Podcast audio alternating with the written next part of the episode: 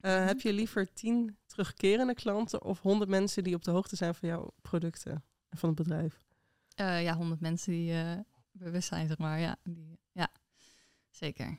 En waarom? Ja, dan maak je het meeste impact, denk ik. En dat is inderdaad de tien, tien terug, terugkerende klanten, die brengen uiteindelijk meer geld in het laadje, want die worden fan. Maar ik vind het ja, belangrijker om meer mensen bewust te maken dat die ook weer het verhaal kunnen doorvertellen. In Bruno en de Future Makers leggen we verhalen vast van grensverleggers.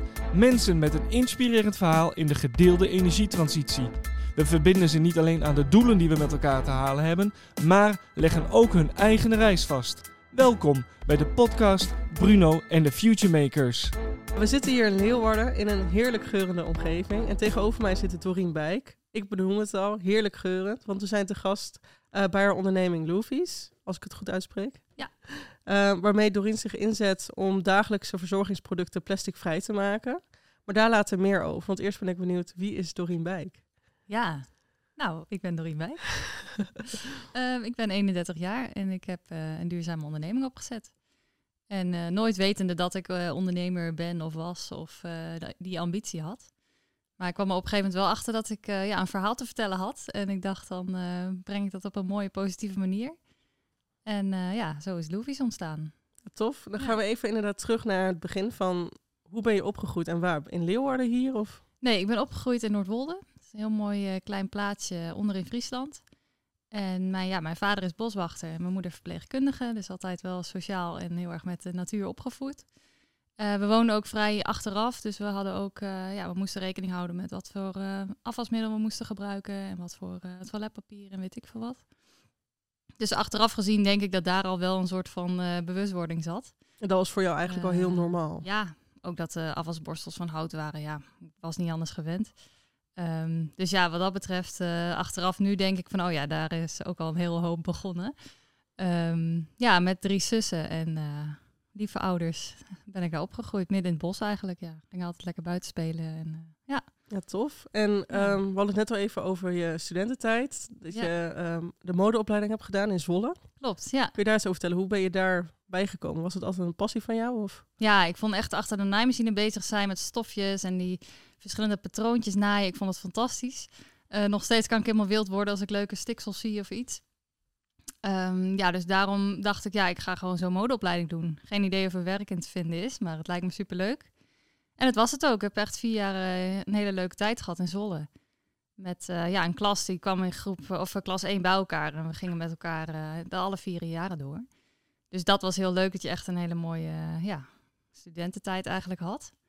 en heel erg creatief bezig zijn, dat vond ik echt heel leuk. En veel achter de naaimachine bezig, veel tekenen, um, dingen bedenken en dat dan uitvoeren dat was eigenlijk wel eh, typerend voor die opleiding. En dat vond ik hartstikke leuk en nog steeds eigenlijk, ja. En toen heb je de opleiding afgerond? Ja, En toen? Ja, Wilde toen je dacht toen ik... Uh, aan het werk? Of? Ja, ik, het laatste jaar was best wel heftig. Want toen moest je echt aan de tekentafel beginnen met een collectie. En op het einde van het jaar moest de modeshow georganiseerd worden. Dus ik had eigenlijk niet echt de tijd genomen om te bedenken... oh, wat ga ik hierna nou eigenlijk doen? Um, en toen viel ik eigenlijk in een soort van gat dat ik dacht... ja, nu heb ik wel een leuk papiertje binnen, maar wat wil ik nu gaan doen? En uh, toen ben ik uh, van het zomer, heb, heb ik toen um, uh, gewerkt op de Schelling. En daar ben ik toen blijven plakken voor een jaar. Toen dacht ik, nou dan maar even een tussenjaar. En ja, kijken, ik vond dat eiland fantastisch. Dus toen was die keuze snel gemaakt. Wat heb je daar toen gedaan gedurende dat jaar? Ja, van alles. veel in de horeca gewerkt. maar goed, in de winter is het heel lastig om daar werk te vinden. Tenminste toen, dat is nu niet meer zo. En dus ik heb ja, van alles aangepakt, schoonmaakwerk gedaan, horecabaantjes gehad, in uh, winkeltjes gestaan. Echt, uh, soms had ik wel op één dag vier verschillende baantjes om, uh, om er wat geld binnen te harken. Um, maar goed, dat, ja, ik vond het hartstikke leuk, het leven daar ook. Maar goed, na een jaar dacht ik wel van ja, dit is ook niet wat ik voor de rest van mijn leven wil. Ik wil wel, ja, ik merkte toen wel van ik heb wel ambitie. Ik wil wel ja, iets doen of ja, wat meer met mijn leven, met mijn kennis en, en kunde doen. Dus toen dacht ik, ja, ik wil in elk geval een HBO-opleiding gaan doen, want uh, dat vond ik wel belangrijk. En, uh, maar ja, wat wist ik niet. En uh, ik had toen op een gegeven moment wel in mijn hoofd, ja, ondernemer zijn lijkt me wel heel leuk. en ook voor die vrijheid. Dus laat ik alvast maar een opleiding kiezen die daar, um, nou ja, iets voor leert, zeg maar. En dan als ik een jaartje of 40 ben of 50, dan word ik wel een keer ondernemer. Maar dan heb ik in elk geval al die kennis in huis. Dat was eh, mijn gedachte erachter. En welke opleiding heb je toen gedaan? Dus toen ben ik eh, hier op Stenden in uh, Leeuwarden, heb ik Small Business en Retail Management gedaan. Ook omdat het inderdaad een stukje ondernemerschap had, maar ook uh, retail management. Dus dat je in een, in een winkel terecht zou kunnen komen als bedrijfsleider of iets. Dus ja, toen heb ik daar, ja, eerst met het eerste gedachte dacht ik, ik ga het AD doen. Het is een associate degree. Twee jaar, omdat ik ook al vier jaar MBO had gedaan. Ik dacht, ja, dan, anders dan wordt het veel te lang. Ik ga echt niet zo lang studeren. Uh, maar goed, toen zat ik in mijn tweede jaar en toen dacht ik, ja, ik vind de opleiding leuk. Uh, het gaat allemaal prima. In het derde jaar mag ik lekker op reis. En dan heb ik mijn scriptie en dan ben ik er ook al wel weer. Dus uh, laat ik maar die andere twee jaar er ook aan vastplakken. Oh, dat kon er wel gewoon achteraan? Ja. Oh, ja. kijk. Dus als ik op een gegeven moment zo docent... Ik was eerst nog wat onzeker van, nou, kan ik dat wel een scriptie schrijven? Lijkt me zo ingewikkeld. Maar toen zei hij, ach, dat kan je makkelijk doorheen, schrijf je maar gewoon in. Dus toen dacht ik, oké, okay, nou, dan doe ik dat wel. En uh, ja, achteraf een goede keuze geweest. Ja, ja tof. Ja. Want als ik het goed heb, dan heb ik het nog niet over Loefies. Maar Mhm. je eerste ervaring met ondernemen is wel tijdens je studententijd geweest met eilandsieraden. Ja, ja, dat klopt. Dat was echt een uh, combinatie dat ik dus op de Schelling woonde. En uh, ja, ik had samen met mijn zus, ging ik uh, enkelbandjes in elkaar knopen met schelpjes. En um, nou, op een gegeven moment gingen we dat verkopen op braderieën. En dat was wel, dit, dat liep hartstikke leuk en goed. En winkeltjes kwamen wel langs van, nou, mogen we het ook verkopen of een strandtent. Dus ja, dus toen hebben ja, mijn zus Roos en ik hebben dat. Dat was eigenlijk inderdaad de eerste dingetjes met ondernemen al. Ja. En hoe is dat zo met je zus? Zeg maar, ik heb zelf ook een zus, maar het is nog niet ja. dat. hoe is dat zo gelopen en hoe heb je dat ervaren? Um, ja, het, we vonden het allebei leuk om creatief bezig te zijn. En enkelbandjes, we vonden die enkelbandjes met die specifieke schelpjes heel mooi. Uh, dus ja, toen op een gegeven moment gingen we dat helemaal onderzoeken. Van nou, hoe zit dat in elkaar? Nou, volgens mij kunnen we dat ook zelf ook wel maken. En als we er dan een labeltje aan hangen en uh, uh, een website omheen bouwen, dan hebben wij ook uh, ons eigen ding. Dus dat hebben we toen opgezet. En uh, ja, als je met je zus een onderneming begint, dat gaat eigenlijk alle kanten uit. Van, van heel erg leuk en van je eigen verdiende geld uit eten of iets. Tot ook wel ruzie van ja, hoe, hoe, pakken we dit aan en wat is jouw visie en wat is mijn visie. En ja. En doen jullie dat nog steeds? Of? Nou, het staat heel erg op een lage pitje. Want ik kom er wel achter dat ja, focus is wel heel belangrijk. Ja. En ik heb natuurlijk nu mijn eigen kindje als ondernemer. en om er dan twee te hebben, dat is, dat is heel lastig. En uh, ja, dus ik zie het nu meer als een soort van hobby erbij. En uh, ja, dat. Want je hebt tijdens de, je studie dus ook in Azië gestudeerd. Ja, klopt. Kun je daar eens over vertellen? Ja. Wat heb je daar gestudeerd? Ja, ik heb daar een half jaar uh, mijn minors gedaan. Dat was uh, management en marketing in Azië. Dus dan leer je echt wat het verschil is met de Europese marketing en de Aziatische marketing. En hoe dat dan in elkaar zit en uh, waar er op gefocust wordt hier in Europa.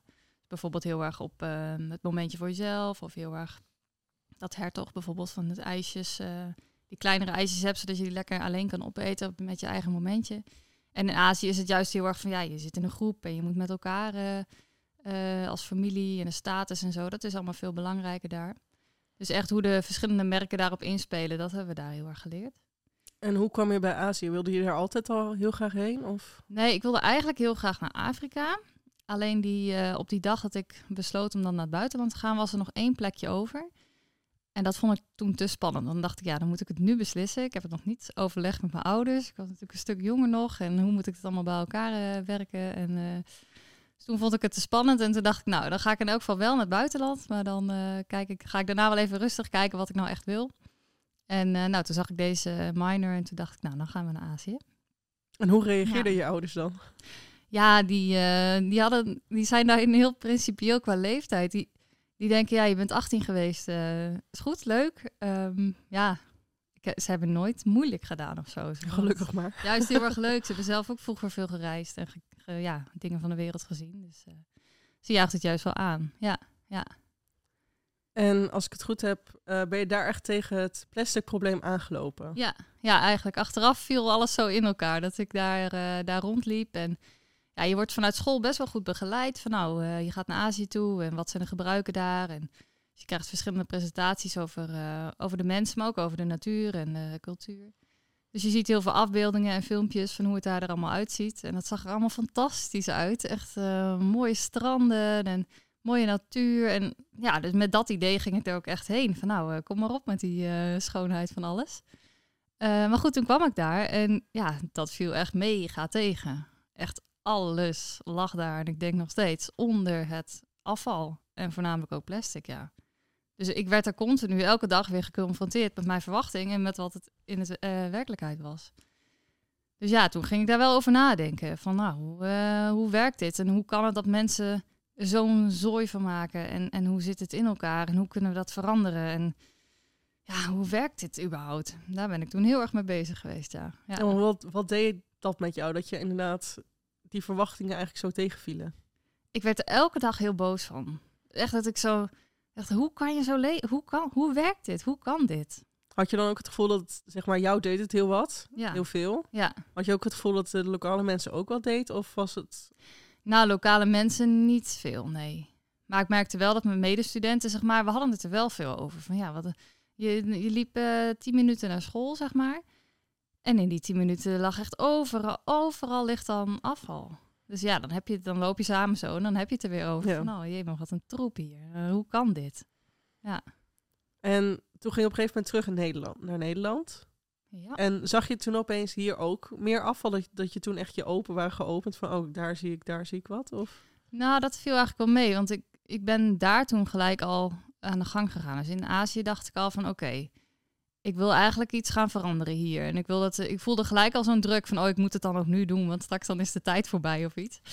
Um, wat heb je toen gedaan daar? Uh, ja, toen heb ik al um, eerst goed nagedacht van, ja, hoe, hoe, hoe werkt dit? En hoe kan je nou zoveel mogelijk uh, afval besparen? Of in elk geval ja, daar iets mee doen.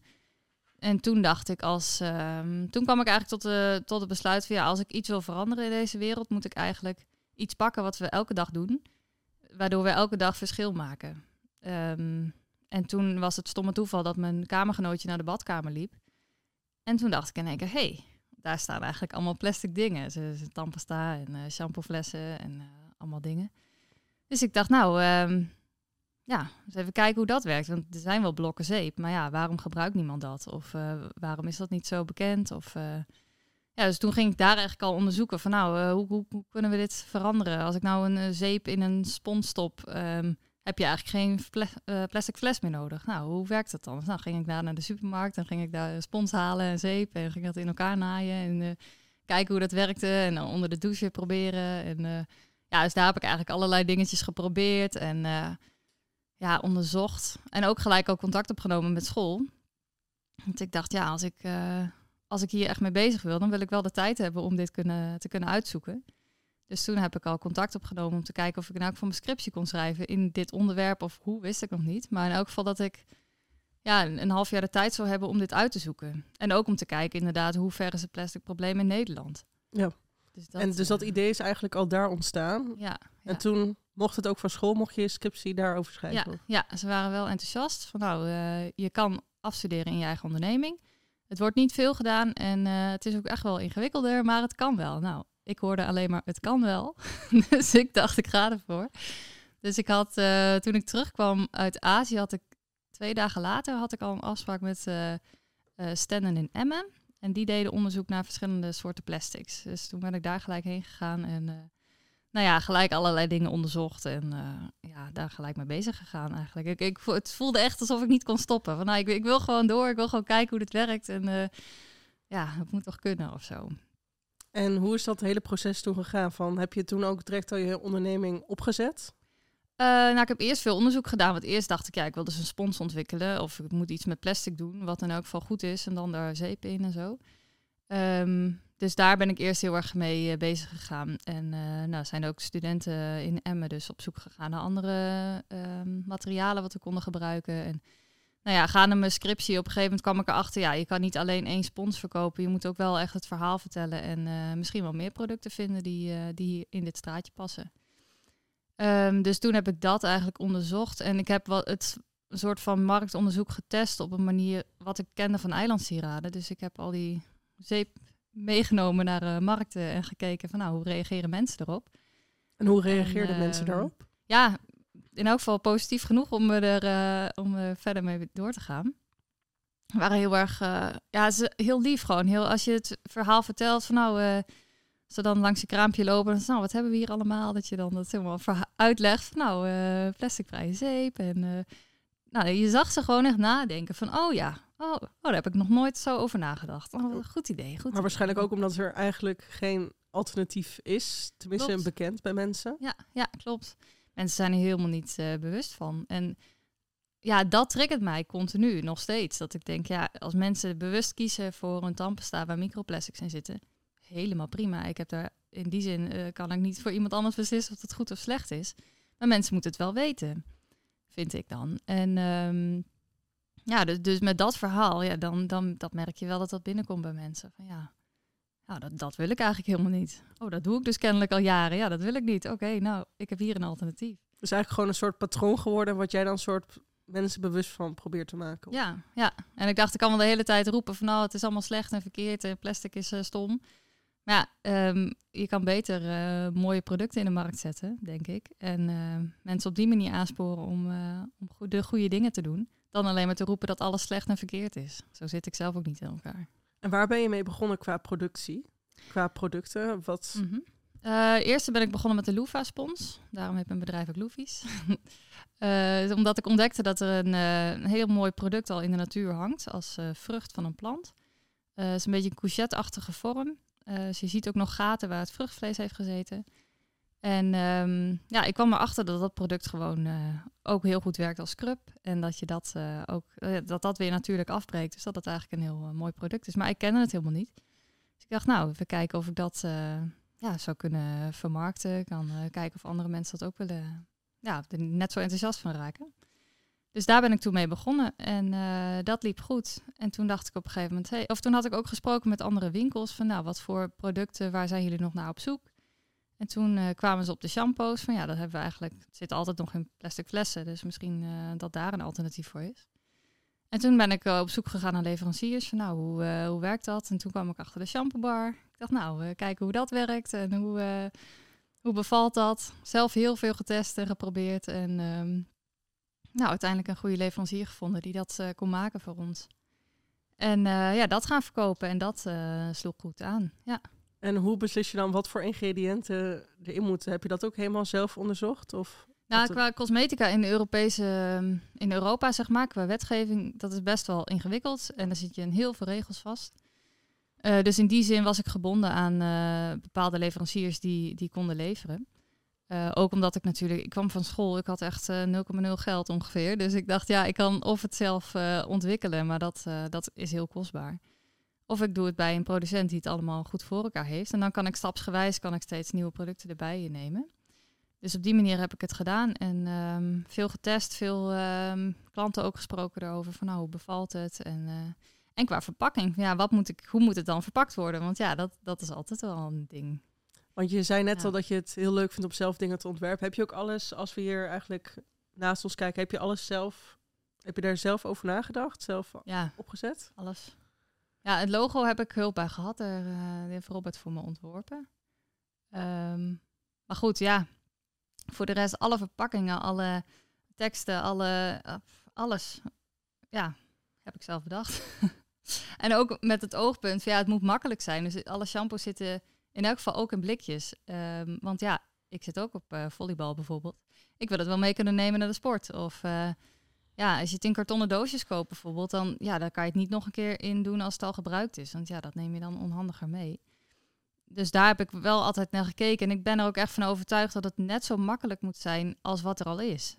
Het moet in elk geval niet moeilijker zijn. Qua handelingen, het moet niet meer handelingen zijn dan dat er al is. Ehm, dus ja, als je dan een tandpoeder hebt, dat zit ook in een blikje. Nou, je draait de dop eraf, je dipt de tandenborstel erin en je kan gelijk poetsen. Ja, dat zijn eh, net zoveel handelingen als gewoon een tandpasta eh, een dopje opendraaien.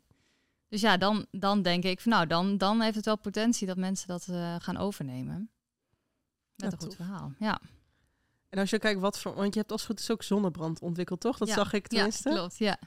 Hoe ben je, zeg maar, ben je steeds gaan kijken van, wat gebruik ik zelf? Wat zit in plastic en wat Ja. kan ik beter? Eigenlijk wel, ja. ja. Het is, ja, ik weet niet of het raar is of niet, maar ik, zit- ja, dan denk ik wel weer zelf van, oh ja, nu gebruik ik de zonnebrand. Oh, dat is, nou, misschien kan dat ook wel anders. Misschien kan ik daar ook wel goede leveranciers voor vinden die dat eh, eh, ontwikkelen en maken. En waarbij ik dat ook eh, zelf kan vermarkten.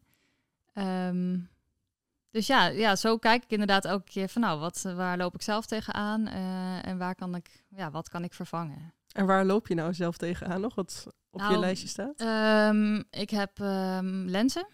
En dat is echt nog een markt wat eh, totaal niet eh, plasticvrij is. Of ja, ik heb het in elk geval nog niet gevonden. Dus lenzenvloeistof bijvoorbeeld, dat zit natuurlijk altijd nog Ja. in plastic eh, flesjes. Ehm, ja, de, de doosjes waar je ze in doet. Eh, de lenzen zelf, ja, dat, nou, dat zou het van glas moeten of zo. Of dat is er natuurlijk. Maar ja, dat is nog wel iets Ja. waarvan ik denk, ja, dat is geen idee hoe of wat. Maar eh, daar is nog wel genoeg eh in Je ziet kansen. halen. Ja, ja, en ook qua make-up-industrie. Dat is ook eh, mega veel plastic. En ja, dat zijn mascara's bijvoorbeeld. Ja, als die op is, dan gooi je dat hele alles weg. Dan denk ik, waarom doe je dat niet als een soort van navulling, net als wat ik vroeger met inkt eh, van die vulpennen had. Dat je gewoon een nieuwe cassette erin doet en klaar. Volgens mij is er nu één merk die dat doet. Maar goed, dan ja, dan, ja, je gaat wel op die manier nadenken. Van, ja, wat zijn de dingen die ik zelf aanraak, letterlijk, wat van plastic is en wat, eh, wat beter kan. Wat tof. En naast consumenten wil je ook andere ondernemers bewust laten worden. Ja, Wat ja. voor reacties ontvang je van hen en hoe doe je dit? Ehm, vooral van leveranciers probeer ik dus eh, ehm, ja, ook zeg maar allebei de kanten op te schreeuwen. Dus en aan de consumenten van nou, we kunnen het echt wel eh, met zonder of eh, met minder. En eh, ja, leveranciers ook van ja, waarom is het plastic verpakt? Kan het ook anders? Hebben jullie alternatieven? Dus daar ga ik eigenlijk altijd mee in gesprek. En ehm, kijken hoe het anders kan. En nou, sommigen zijn heel stug en star en anderen willen wel goed meedenken. Ehm, dus ja, je krijgt daar wel ehm, ook weer een heel dynamisch gesprek over. Van ja, dan nooit over nagedacht. Of hoe kan het anders? Ja, we doen het altijd zo. Dus, dus we doen het nog steeds zo. Dat is natuurlijk een vaak genoemde alternatief. Of eh, vaak genoeg. eh, dat zeggen mensen veel. Ehm, dus ja. Maar ik ben wel blij dat heel veel bedrijven nu ook eh, echt letterlijk op zoek zijn naar relatiegeschenken. Of naar ehm, ja, cadeautjes of iets wat in elk geval helemaal past binnen de tijd van nu. Van nou, we willen niet meer vervuilen. En eh, willen kijken hoe het anders kan. En krijg je daar ook veel aanvragen voor? Ja, ja ik werk ook wel samen met... ehm, ja, je komt echt in een netwerk van allerlei... Het ondernemen is soms echt zo'n eh, web van eh, ontdekkingstocht. Van hoe zit het in elkaar? Maar ja, dan werk je ook weer samen... Of wij werken samen met een ander bedrijf... die daar dan weer heel erg op richt. Dus heel erg in de relatie geschenken zit. En dan vooral de duurzame relatiegeschenken. Dus dan komen via die weg wel weer aanvragen binnencijpelen. Maar ja, soms heb je ook eh, opeens een gemeente hier... of een, een bedrijf die je benadert van... nou, eh, de kerst komt eraan. We willen iets met duurzaamheid en plasticvrij. En eh, ja, wat heb je? Nou, als je terugkijkt, wat is tot nu toe dan een van de gaafste opdrachten die je hebt mogen doen? Ehm, nou, we zijn nu met een aanvraag bezig voor de ABN AMRO. Te kijken hoe, ehm, ja, we, dat we in zo'n loyaliteitsprogramma komen. Dat zou heel vet zijn, want dan heb je in één keer heel veel mensen die eh, bekend worden met het product. Ehm, hotels zijn we mee bezig. Dus dat, ja, het, ik, ik merk dat ik het heel leuk vind om juist de groep te benaderen die er niet bewust mee bezig is. En ja, dat je op die manier mensen kan overtuigen. Van nou, als je in een hotel bent en je ziet zo'n kleine shampoobar liggen. Van oh, huh, wat is dit? En Ja. hoe werkt dat? Ja, dat vind ik heel leuk. Ja, Ja, ik las inderdaad dat dit jou ook jouw doel was voor Ja. 2023 om in die hotels te komen. ja, ja. Maar waarom per se die hotels? Puur inderdaad omdat mensen daar niet per se verwachten. Ja, het is echt meer dat eh, we hebben één hotel al die we leveren eh, hier in Leeuwarden. En ik merk gewoon dat, dat de reacties daaruit heel leuk zijn. Eh, dat mensen ons ook echt benaderen van nou, we waren in het hotel, we hebben een shampoobar gehad, hè, fantastisch. En heb je er ook een grotere van. En eh, ehm, nou, dat, dat ze helemaal aangezwengeld worden door dat verhaal. Ja, ik merk dat ik dat heel leuk vind. Gewoon mensen die het eh, ja, onbewust eigenlijk. ja, dat je ze onbewust kan triggeren met een goed verhaal en met goede producten. En dat ze daardoor overstag raken. Ja, Die worden misschien dan ook wel het meest verrast eigenlijk. ja, ja. Ik vind dat, dat denk ik heel erg leuk. Ja. Ehm, ik heb een, eh, een quote van jou gevonden. Je hoeft niet plasticvrij te kopen als je maar weet dat het er is. Hadden we het net ook al even over gehad. Maar dan denk ik van als ondernemer wil je toch eigenlijk ook dat ze het ook kopen. Ja. ja, dat is het stukje dat ik denk, ja, ik, ik, ik kom niet uit een ondernemersfamilie. Ik, ik heb Ja. eigenlijk niemand onder, als ondernemer. En eh, wat dat betreft denk ik ook heel erg dat ik het verhaal belangrijk vind en dat ik er nu mijn geld mee kan verdienen en eh, dat ik er elke dag mee bezig kan. Dat vind ik fantastisch. Ehm, maar ik vind het eigenlijk heel belangrijk dat mensen ja, weten wat de alternatieven zijn. En ehm, weten wat er is. En natuurlijk moet ik er mijn geld mee verdienen, anders kan ik mijn week niet maken. En eh, kan ik niet elke dag hiermee bezig. Maar het, eh, ik vind het denk ik het belangrijkste dat mensen ja, bewust zijn van dat er alternatieven zijn. En het hoeft ook niet allemaal in één keer, want je, je belandt natuurlijk ook in een soort van ehm, eh, omgeving waarbij veel mensen zeggen, ja, maar je doet dit niet goed of je doet dat ook niet goed of, of zus of zo. Eh, nou, en daardoor kan je best wel, tenminste in het begin had ik daar heel veel moeite mee, dat ik dacht, ja, maar ik doe inderdaad ook niet alles goed. Eh, mag ik dan wel door? Eh, mag ik dan wel verder gaan met? Ehm, dat vond ik heel lastig. Maar ja, nu blijf ik maar mezelf voorhouden. Ja, het gaat om plasticvrij en de badkamer. En dat ik voor de rest niet volledig duurzaam ben. Oké, dat ik denk dat niemand dat volledig is. Of ja, misschien wel. Maar ik denk dat het heel lastig is om, om alles helemaal goed te doen. En hoe heb jij die knop weten om te zetten? Eh, veel praten met mensen erover. Ook met familie, met mijn ouders of met vriendinnen. En dat ze zeggen, ja, nou, eh, we zien jou helemaal niet als iemand die dat eh, allemaal moet doen, hoor. Ja, jij doet gewoon één stukje en dat doe je goed. En blijf je gewoon lekker daarop focussen. Maar ja, soms komt dat stemmetje nog wel door, hoor. Dat ik denk, oh, maar ik doe heus niet alles goed. En eh, nou ja, maar goed, dat hoort er ook bij, denk ik, bij het leven. Ja, ik denk Ja. inderdaad, zoals je al zegt, dat niemand ooit het goed doet. Nee, want als je eh, bijvoorbeeld helemaal vegan zou zijn, eh, dan zijn er misschien wel weer producten of ingrediënten die je wel of niet eet, die weet ik veel waar vandaan komen, wat misschien ook weer niet goed is. Of er is voor elke, elk ding alweer wat te zeggen. En ehm, ja, daarom ben ik eigenlijk ook vanaf het begin af aan heel duidelijk geweest in wat wij doen of wat ik doe. Plasticvrij, iedereen weet wat plastic is. ehm, en ik wil dat niet meer, dus plasticvrij. In plaats van woorden als biologisch, eh, ecologisch, eh, duurzaam. Dat zijn allemaal begrippen waar iedereen weer een andere definitie van heeft. Waardoor het soms heel lastig communiceren is of zo. Van ja, waar hebben we het nou eigenlijk over? En als ik het goed heb, heb je inmiddels ongeveer zeven medewerkers in dienst. Ja. En hoe ervaar je dit om opeens een team te hebben en een baas te zijn eigenlijk? Lastig. ja, dat is heel, heel eh, moeilijk of zo, eh, vind ik. Kan ik nog heel veel in leren. Want ja, je moet echt een soort van eh leiderspet op. En terwijl ik ook heel erg wil dat mensen zichzelf ontwikkelen of zelf kijken ehm, wat ze kunnen doen ja, binnen Loevies, wat ze willen ontwikkelen. Eh, maar goed, je moet daar ook sturing in geven, want anders dan wordt het misschien wel helemaal niet wat ik wil. Of eh, past het helemaal niet bij, eh, bij het plaatje wat ik voor ogen heb.